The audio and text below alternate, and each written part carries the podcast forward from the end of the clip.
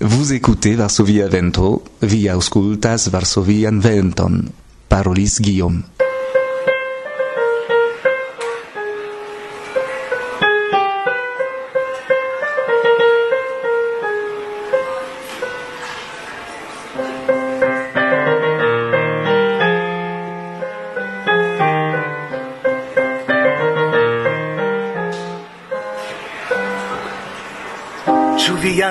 samien kiam kun kiu kaj kiom da fojoj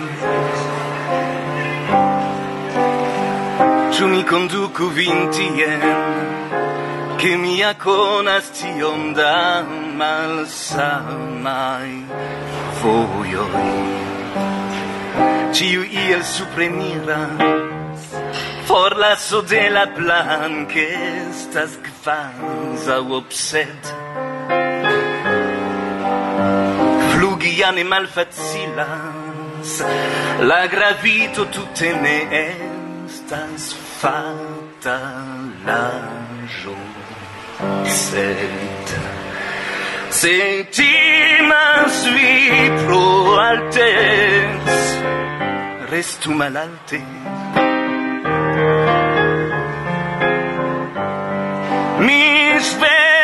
Dios en exaltes. Vi pesos sur asfaltes.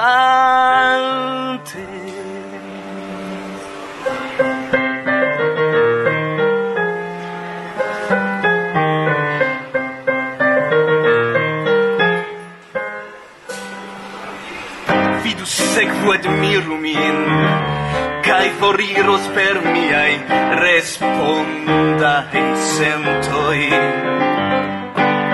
La pesigai tubo cae tim ciui mal suprenigas nin de la tegmentoi. Vidi la mondon de supre donos pli al malpesemo alla pietà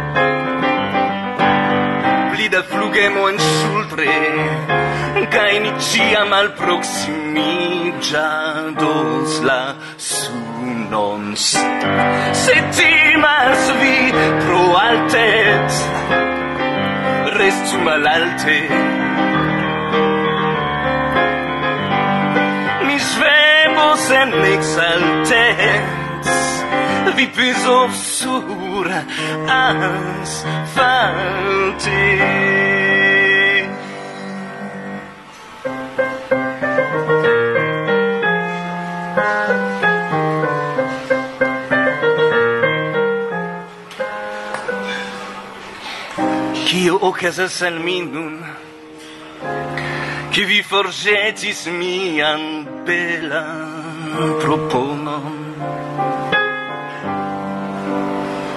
Ne nur ne altiras la sun, sed Shainas che mi en profundigas. En la grund.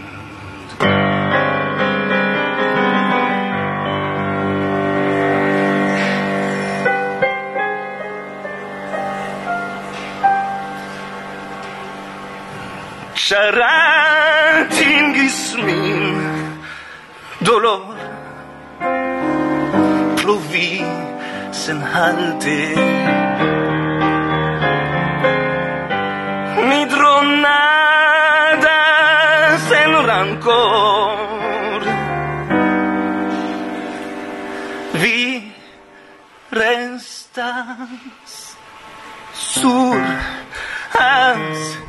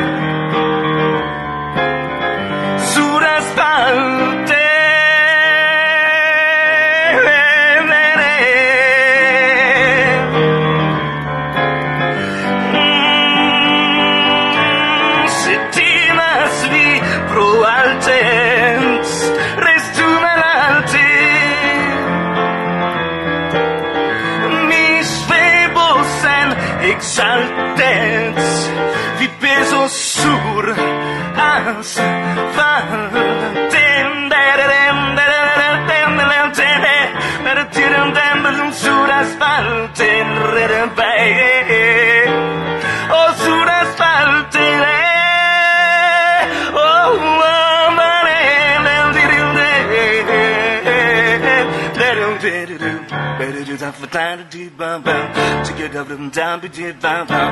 To get up and down, to get bum bum bum.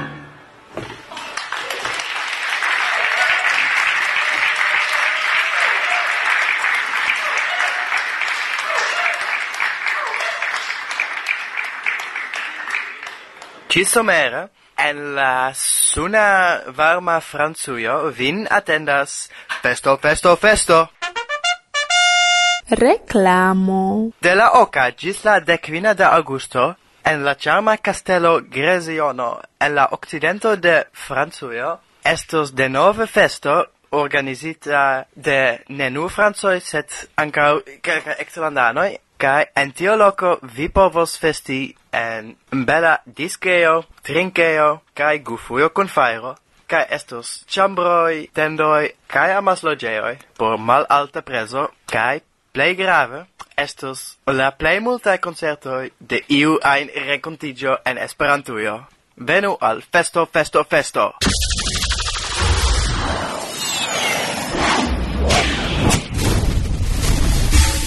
Nu mi auscultas la programo Varsovia Vento.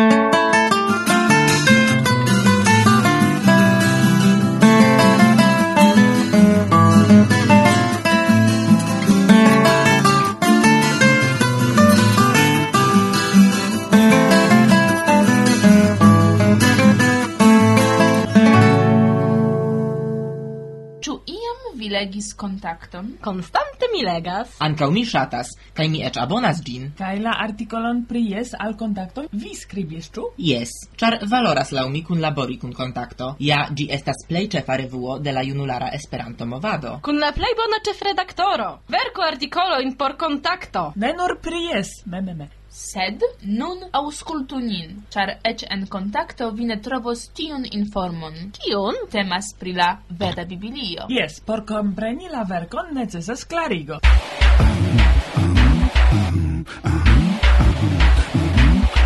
La historia en conduco. Bonege, mi shatas, mi tre scivolemas kai interesiĝas pri la historio de Esperanto. Do, en kia jaro naskiĝis Ludoviko Zamenhof? En 1859, la dek kvinan de decembro. En Bialistoko necesas aldoni. Mi scias. Kaj en kiu jaro naskiĝis kreinto de Ido, Louis Buffon? Pri Ido mi fakte ne tro interesiĝas. Do, interesiĝu ĉar inter alie pri la kreinto de Ido ĝuste traktas la verda Biblio Biblio. Momenton, momenton. Jam mi trovis informojn pri li. Donu, mi ŝatas rigardi. Mi trovis milegos. Sed mi havas pli belan voĉon, ĉu vi ne rimarkis?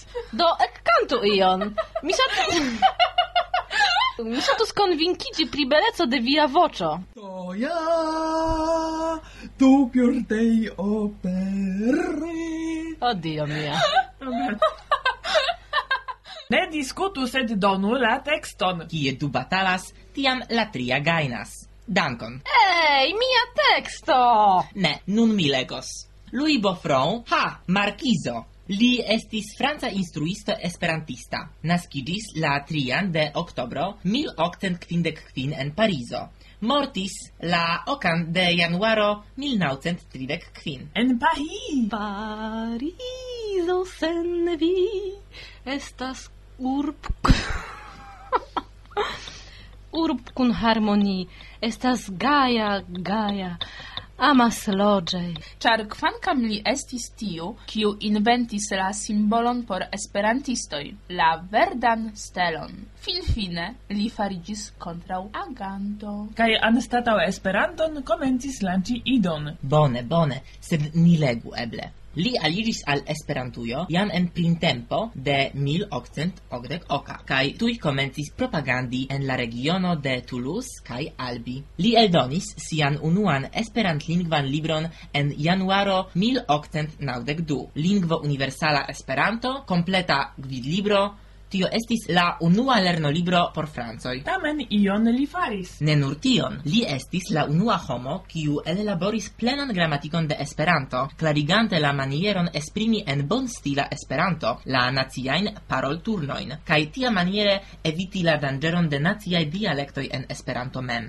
En la dauro de kelkaj jaroj li eldonadis tutan serion de lernolibroj, ekzercaroj kaj vortaroj, inter alie la faman commentaire sur la grammatique Esperanto en 1900. Bofron altiris al Esperanto multain eminentain kaj influain personoin kaj diversain asocioin. Pro sia activezo li estis nomata la dua patro de Esperanto. Ho, ho, ho! Me, me. En 1894 Bofron estis rigardata de ciui esperantistoi kiel unu el la plej severaj konservativuloj neniam usinta sian influon sur Zamenhof kaj sian autoritatecon super la samideanoj, dum la dauro de pli ol dudek jaroj por elparoli la plej malgrandan vorton favore al reformoj. Carlo Burle eĉ nomis lin granda inkvizitoro, pro lia troa conservativemo. En 1894 Bofron estis kontraŭ reformoj en Esperanto dum tiu jara balotado, tial oni ne komprenis kial en 1910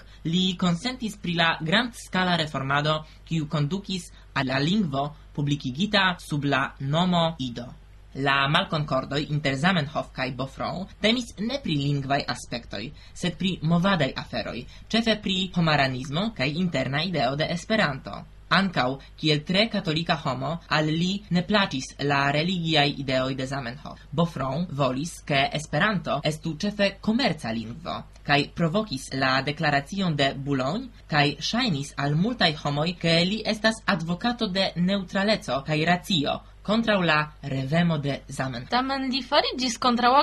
Sed kiel tio ligigas kun la verda biblio? Legu, vi extios. La verda biblio estas ia satira super rigardo alla movado esperantista do traktas pri la aferoin kun la evoluo de la lingvo kaj gia historio ligitai. Ah, do satire pri Louis Bofron, ĉu? Yes. Yes, yes, yes. Sed ne nur en ci epizodo, kiun post momento vi audos, estos ancau pri alia fama esperantisto. La autoro kaŝis la nomoin sur specialai pseudonomoi. Louis Bofron estas en la verda biblio Bofrunt, Kai vi audos ankaŭ pri Dio Filokara, sub kies pseudonomo estas Teofil Kar. Kai tiu kio estis? Teofil Kar naskidis la 31 de marto 1855 kai mortis la 21 de maio 1931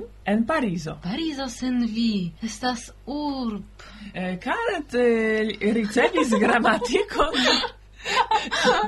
care ricevis grammaticon de Esperanto jam en 1894. Sed li gin lernis nur post apero de artikolo en Burle en 1901 car tui comencis arrangi diversain cursoin cae publicigis lerno libroin pri Esperanto, per cioi li altiris atenton. Ili farigis classicae cae estis traducitai en multai lingvoi.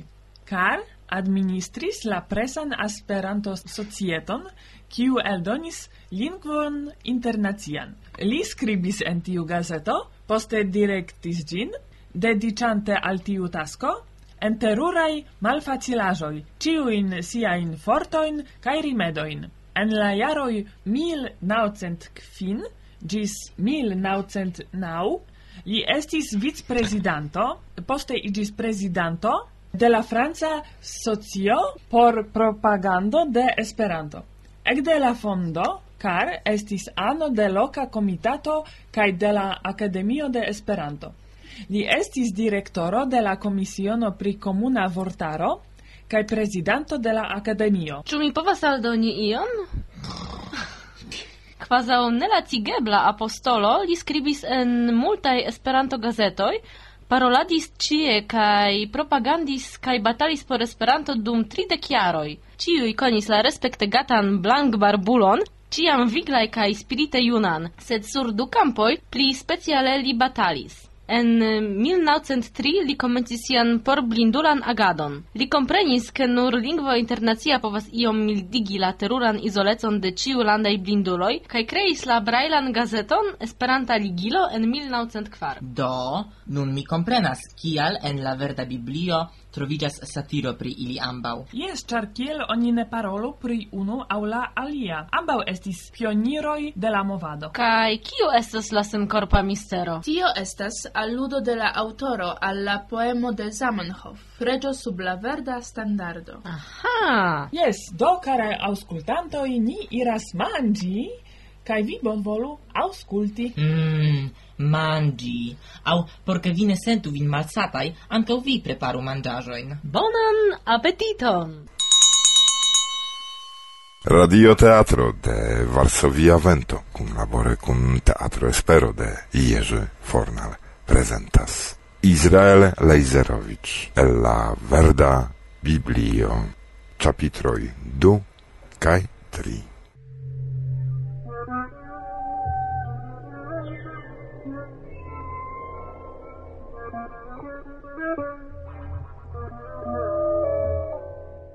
kai okazis pos multa jaroj kai sur la franca tero aperis mago kiu venis ador clinigi antaŭ la verda stelo kai disvastigi la lingvon de paco kai lia nomo estis Bo Frunt kai li estis unu el la multaj fervoraj apostoloj de la verda afero kai ĝuis seriozan vidon en la verda popolo. Kai ocasis che la satano tentis lin, igante lian coron fiera cae jalusa, cae bofrunt, ec pensis en sia coro. Mi construas lingvon kiu disvestigius tra la tuta mondo, cae mi aciros al mi gloron cae potenzon, cae mi atingus la subcondre cielo super sagion del signoro. Kai li lau faris idiomon tion li nomis ido char ido de la verda lingvo li volis farigin kai la signoro mallevicis por vidi la farun kiun faris bofrunt kai la signoro diris Jen estas unu popolo, kaj unu lingvon ili ĉiuj havis. Kaj jen, kion tiu, kies nomo estis Bofront, komencis fari. Ni malleviĝu do kaj konfuzu lian lingvon. Kaj fariĝis granda konfuzo inter tiuj, kiuj faris idon en mallonga tempo farigis el gi multai multai idiomoi kai unu homon homo ne comprenis alian. Ciui ec batalis inter si, dirante, mia lingvo estas vaga lingvo, mio lingvo estas vera lingvo, mia lingvo estas vingen, mia lingvo estas mia lingvo, mia estas vera lingvo, mia lingvo estas vera lingvo, tial oni donis al gi la nomon Babel, char tie la signoro confusis la lingvon de Bofront. Sed la verdan popolon la signoro el conducis el la lando Babela cae conducis gin en la landon Babilan, char ili havis unu kai claran lingvon.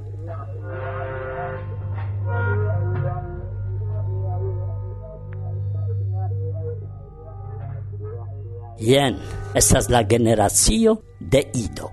Ido havis la agion de kelka jaroj kaj naskiĝis al ĝi Esperantido. Kaj Esperantido naskis occidentalon, idiom neutral kaj interlingua, kaj al ili naskiĝis neolatin kaj anglik por eterna malhonoro, kaj multaj aliaj gis la nuna tago, cae gis la fino de ciui tagoi, ili ciui vivas efemeran vivon, char ili estis polvo, cae refarigios polvo.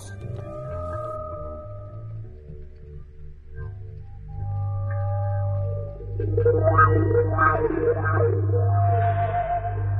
Kai kiam Ido comencis multigi sur la tero kai al li naskigis kai filinoi, Esperantido occidental, idiom neutral kai aliai, tiam la filoi de la verda popolo ecrigardis en iliain vortaroin kai grammaticoin, kai multai novajoi placis al ili.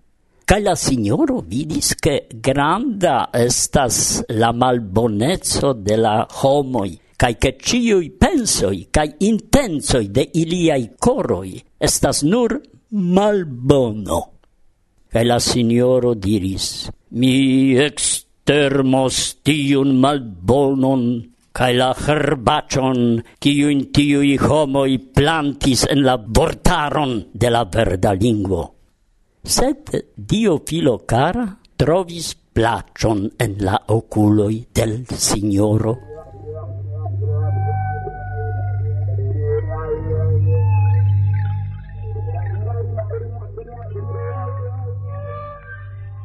Ien estas la historio de Dio filo cara. Dio filo cara estis homo virta kaj sen macula en sia generatio. Con la fundamento Dio filocara iradis.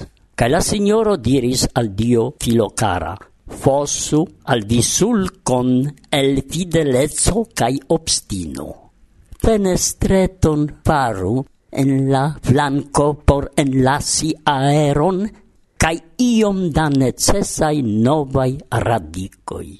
Mi benigos diluvon sur la teron por extermi ciun superfluam novajon.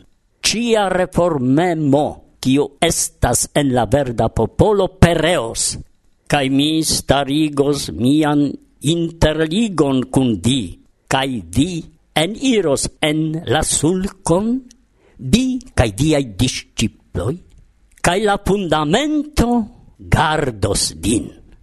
Cae el ciu regulo, el ciu apixo, el ciu fundamenta radico en conducu po unu exemplero, ciu lau sia spezzo. Cai Dio filocara tion faris. Cion, kiel la Signoro ordonis, tiel di faris. Cai Dio filocara cai aliai liai disciploi, cae la amicoi de liai disciploi en iris en la sulcon el la regulo, el la affixoi, cae el ciui fundamentai radicoi po unu exemplero venis en la sulcon, che la signor ordonis al dio filo cara.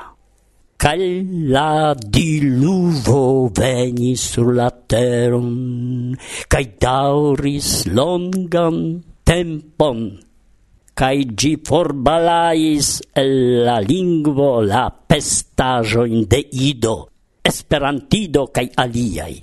Ancau la grandan vortaron de Juan Miopoe, la diluvo pereigis, cae post paso de ventego la diluvo cesis, cae la fundamento elsecigis. Cai signoro diris al dio filo cara iene, el iru el la sulco, vi cae viai disciploi cae la amicoi de viai disciploi cune cun vi. Ciuin reguloin, ciui estas cun vi, la affixoin cae radicoin, el irigu cun vi, cae el iris dio filo cara el la sulco, cae liai disciploi, cae la amicoi de liai disciploi, cune cun li. Ciui reguloi, ciui affixoi, cae ciui radicoi, lau sia spezzo, el iris el la sulco. Sole la vorteto po restis en la sulco. Char dio filo cara el irante ne rimarcis gin. Cae tial la plei piai verduloi gis nun ne scias precize ciu post po. Oni povas usi la accusativon, au ne. Cai Dio filocara cae liai disciploi ec cantis canton alla Signoro. Se lunga di luvo cae ventoi suvitai vel canta in folio in desciras, Ni dankas la venton kaj repurigitaj, ni fortojn pli prešajn akiras. Kaj Dio filokara konstruis altaron al la sinjoro sur tiu loko kaj nomis tiun altaron lingva comitato.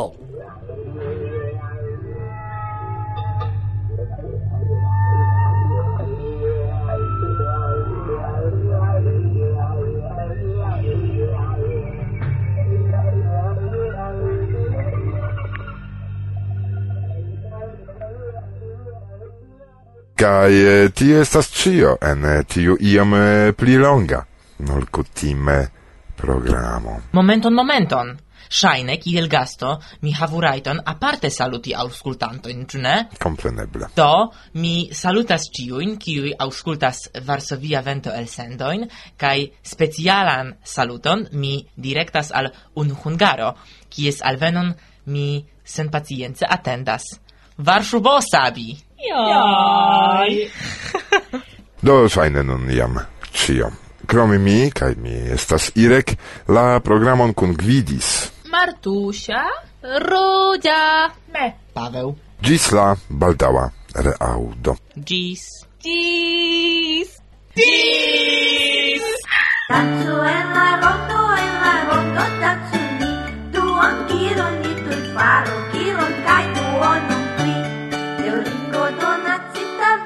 chemolopisi é cai la amolice vita Trema zvor de tu zmin cai num vidoria e je nas venas via hor En la rondo cantuion o iru por achante sur la monto estas bovo cai bovino. Se vi volas vian são petu tu aŭ la avino Dancu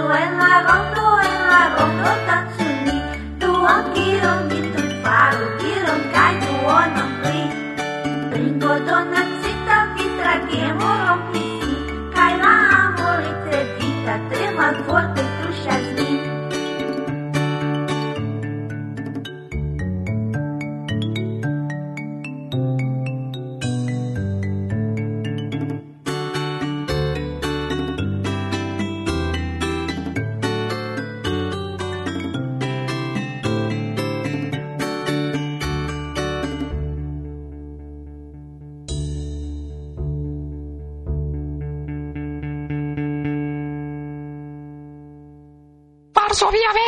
Bla bla bla.